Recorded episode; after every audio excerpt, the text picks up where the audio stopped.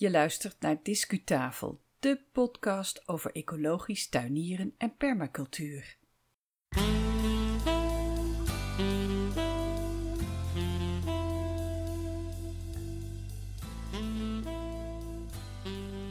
Hey, fijn, je bent er weer. Nou, ik ook. Ik ben Yvonne Smit en je hebt een episode gedownload van Discutafel podcast. Dit is uh, aflevering 83 en die hebben we online gezet op 31 juli 2020. Dat is net even een dagje later dan gepland, maar dan heb je ook wat.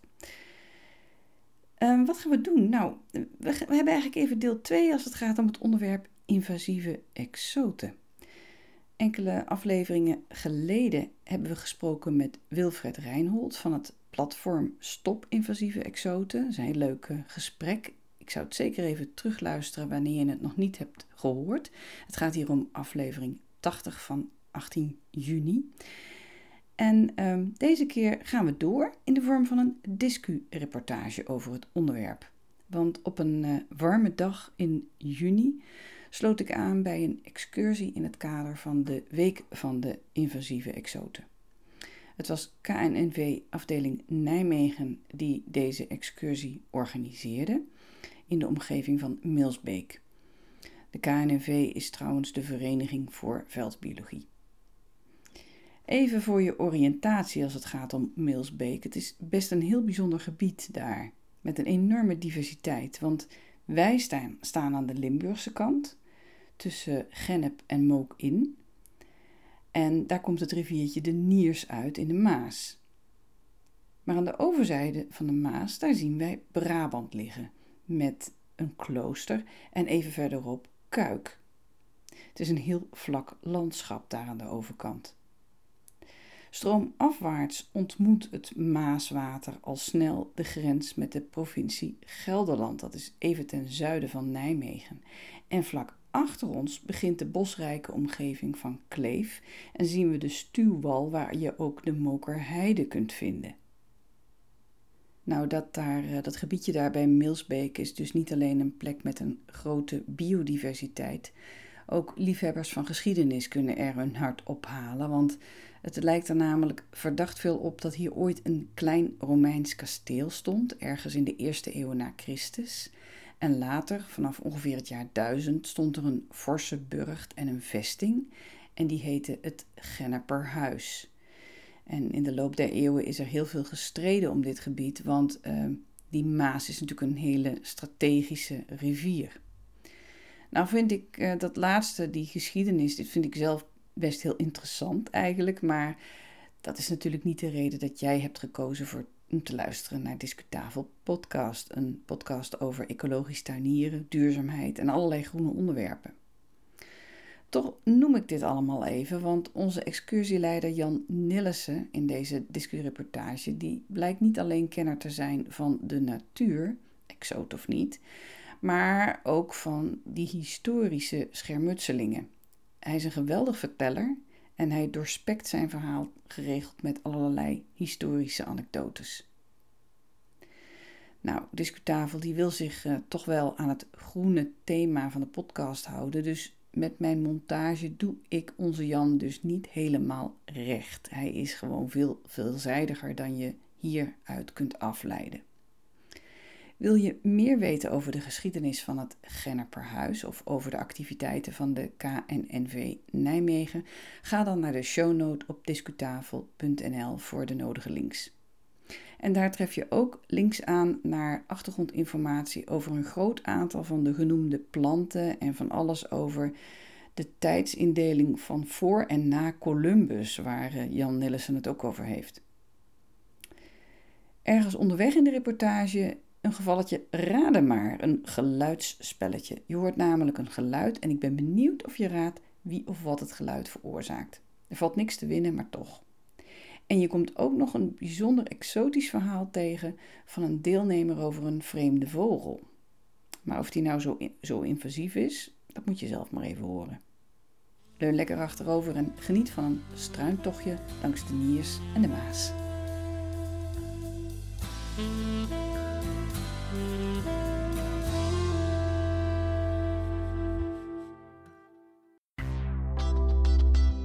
Discureportage.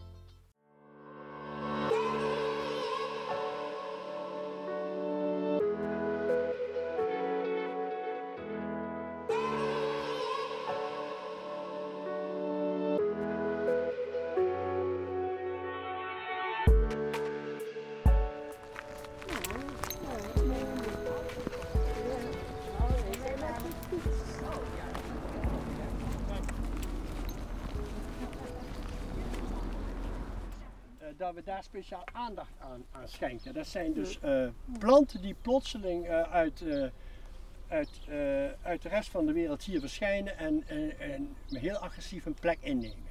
Ja. Onze werkgroep, de plantwerkgroep van Sophie en, en Gerard, die hebben dat allemaal bestudeerd en er is een dik boekwerk over verschenen. En die vertellen het volgende. Kijk, zeggen ze. Eh, we hebben hier in deze streek 1500 planten.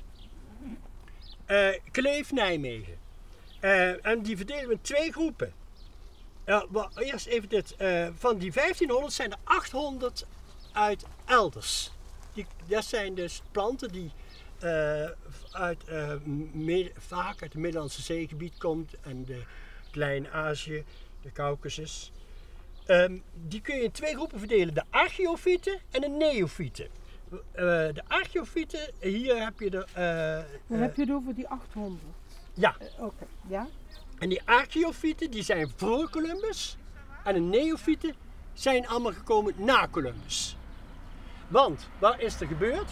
250 miljoen jaar geleden zaten al die werelddelen aan elkaar vast. En dan, dit heette Gondwana, Pangaea, sorry, Pangaea. En dan gaan die werelddelen uit elkaar schuiven. Dan ontstaat er overal, elk werelddeel, ontstaan andere planten. En dan komt daar 1492 opeens Columbus aanvaren. En die plakt al die continenten weer aan elkaar vast. Want die begint al die planten te verschouwen. Ook de bacteriën, de virussen, eh, de dieren. En alles begint dan zich over de hele wereld te, ver- eh, eh, te verspreiden. En dat is de globalisering. Het, wij noemen dat homogenisering, dus alles wordt homogeen. En dat zijn de neofieten. En dan moet je kijken, hier in de 16e eeuw was er nog geen één, net voor Columbus. En in de 17e eeuw zijn er 10, dan 18e eeuw 13, dan komen er 35 in de 19e eeuw. En hier in de 20e eeuw zijn er al 175 binnengekomen. En je bent optimistisch in de 21ste eeuw. zijn Ja, er zijn pas 14, pas 14. Maar we zijn ook net in de... En we gaan dadelijk naar die invasieve exoten even ook kijken. Maar er wordt er steeds meer, want nou hebben ze ook gespecialiseerd in alles wat met caravans meegebracht wordt. en Ja, zo, hè? ja, er wordt steeds meer, steeds meer. En eh, een aantal zien dat als een bedreiging. Nou, dan stel ik voor dat we eerst even een kijkje nemen eh, bij de, eh, op het rivierduin. Om die verschillende landschaptypen eventjes in beeld te krijgen. Eh, want dit maakt het gebied zo interessant. Dat naast en vlak naast elkaar zoveel verschillende eh, biotopen en ecosystemen zijn. En daardoor heb je ook veel gradiënten. Dus overgangen van droog naar nat en van zand naar klei. En eh, hier langs de- deze straat, dat is de Bloemenstraat, moeten dus ook veel bloemen staan. Daar staan dus veel archeofieten. Dat zijn, die zijn voor Columbus al hier binnengekomen. Er staat een klaproze daar. Er staat, ehm, eh, eh, nou ik kan het nou op de niet opzommen. Maar gewoon En dat is een typische rivierenplant, die vind je overal langs de rivieren. Maar dit zijn nou archeofieten. Die zijn al binnengekomen in Nederland, binnengekomen toen hier de eerste landbouw kwam. Die landbouw kwam uit het Midden-Oosten. En eh, van daaruit heeft ze zich naar eh, Europa verspreid. En met die akkertjes gingen ook deze planten kwamen mee, zoals hier de kleine klaphoos. Dit is de raket. Dan had je eh, daar de zwarte mosterd en het echte kamille. Die echte kamille eh, met die bloemen, die hebben een heel opgestoken bloemhoofdje daar. eh, wanneer ze wat ouder worden. En die ruiken ook heerlijk. En die kamille, ja, die komen overal van gebruik, want dat is een panacee. Daar bedoel ik mee, tegen elke ziekte helpt dat. De, en vandaar die kamillethee. Hè? Ja, ja. Dat zijn nou allemaal archeofieten. Eh, daar heb ik Jacobs kruiskruid. En, eh, zie maar, dat is Ja. staat er. Of dat een archeofiet is, weet ik niet direct uit mijn hoofd. Maar eh, ja, je ziet hoe schaal het is en dat we hier de overgang hebben van het rivierduin naar de vette eh, rivierkleigebieden en daar gaan we dadelijk in. Ik wou heel even een klein kijkje te nemen in dat Dat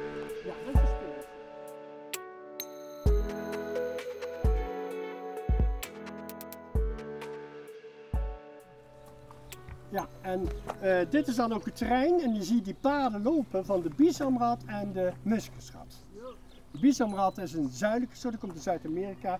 Die kan niet goed tegen winters, maar die is wel een stuk groter. Dat zijn alle twee knaagdieren, maar die voor een pels gefokt werden en losgelaten zijn. En die zo in het natuur en het milieu terechtgekomen zijn. Jan, we zien hier dus die grote waternavel, hè, Ja. wat jij zegt, in de sloot. Wat maakt dat die zo, zo kwalijk is voor ons milieu? Nou, eh, eh, wat ze dus zegt is dat, ze, dat die dus de inheemse flora verdrinkt. Je ziet er is geen enkele plek meer over voor onze eigen waterplanten. Hier zou theoveerdekruid moeten staan, eh, er zou, er zou pijlkruid moeten staan en egerskoppen. Er is helemaal niks, er is alleen maar brandnetel en grote waternavel.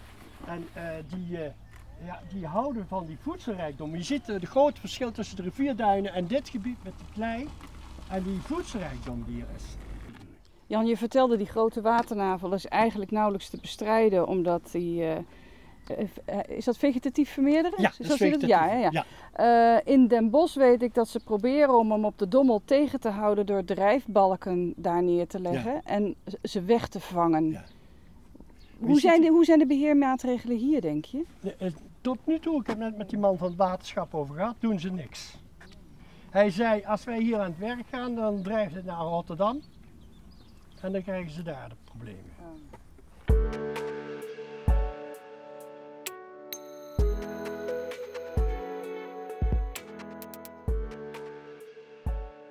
Zit- Alle voedingsstoffen worden door waternavel opgenomen, zodat er geen voedingsstoffen meer overblijven voor de algen, zodat het water prachtig doorzichtig is. Is er dan misschien een eh, functie mogelijk als eh, veevoer of iets dergelijks Ja, voor deze ja. plant, waardoor je het toch nog kunt gebruiken? Ik weet dat ze deden met water hier zin, maar van de waternavel weet ik niet. Ik heb wel bestudeerd, maar ik heb niks van kunnen lezen. Eh, maar dat betekent dus dat je met grote drijfnetten dit eruit moet gaan zitten vissen. Want dat is ook een manier om met invasieve exoten om te gaan. Hè? Kijken of je ze toch op enige manier eh, nuttig kunt gebruiken. Ja, inderdaad. Ja, en van de waternavel nu even een intermezzo vanuit de Discutafel studio. Want de waternavel maakt weinig geluid, voor zover ik weet. Maar in dit intermezzo gaat het wel even over vreemde geluiden. Ehm, je gaat nu twee fragmenten horen die ik heb opgenomen tijdens deze excursie. En het eerste fragment, daar hoor je Jan lekker op de achtergrond van alles vertellen. Je hoort fietsbellen langskomen, maar je hoort ook gespetter. En de vraag is, wie of wat veroorzaakt dat gespetter?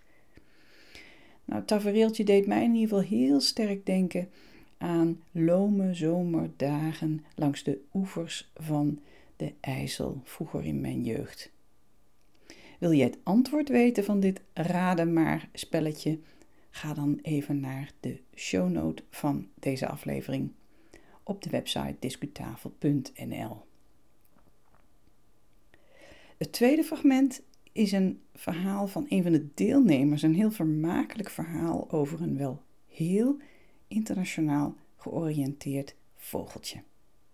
Luister maar.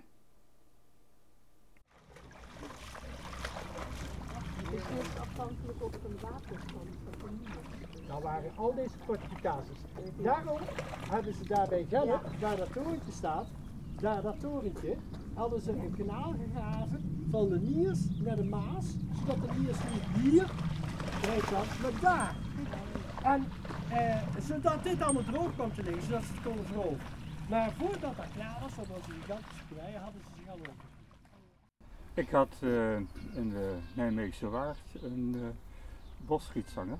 Oh. En heb ik een beetje nagezocht. Die heeft 40 uh, uh, nabootsingen Ja. van Afrikaanse vogels en ongeveer 12 van Nederlandse Ja. vogels.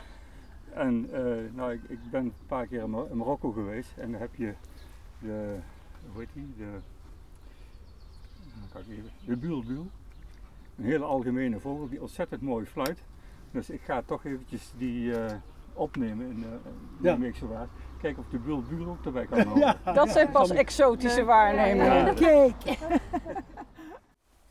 ja, mooi. En dat zijn dus notenbomen. En eh, het heel merkwaardig is, dat is begonnen op de kribben langs de Baal. Eh, daar zagen we ze eigenlijk voor het eerst. En nu zien we overal noten opslaan, die dus door extra kouwen overal naartoe gesleept worden en, en, eh, en zich hier vestigen. Eigenlijk ook een boom uit het mediterrane gebied, die dus heel laat een blad komt. En die je maar bij je huis moet laten staan, want als je dat hebt, dan heb je ook geen muggen. We kunnen hem niet als invasieve exoot betitelen. Nee, hè? nee, dat vind ik, eh, nee, dat vind ik te veel eer voor hem. Ja, het is ook weer een houtsoort, hè? En?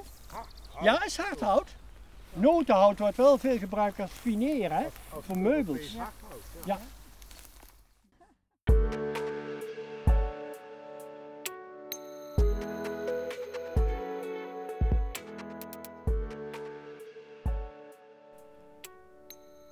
Laten we toch maar weer even teruggaan naar de echt invasieve soorten, de echt invasieve exoten, kan ik beter zeggen.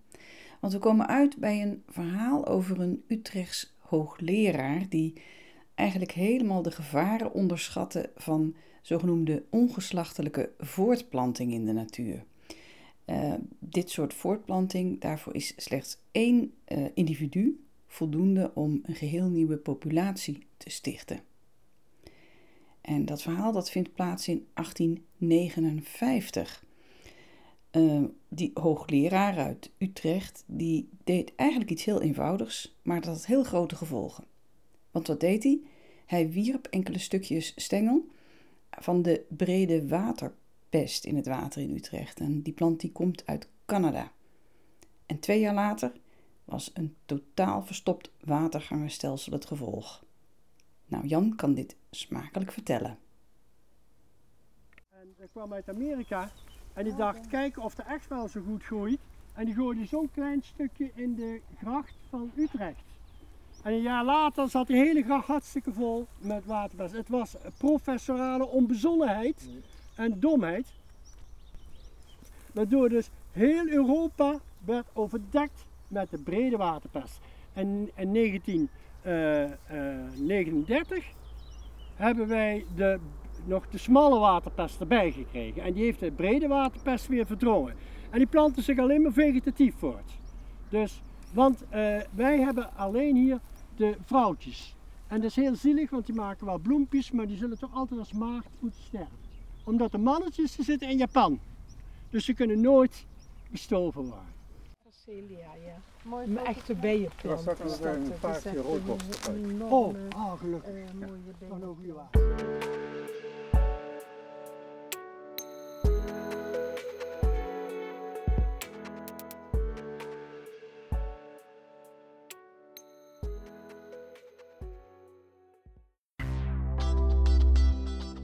Discuslot.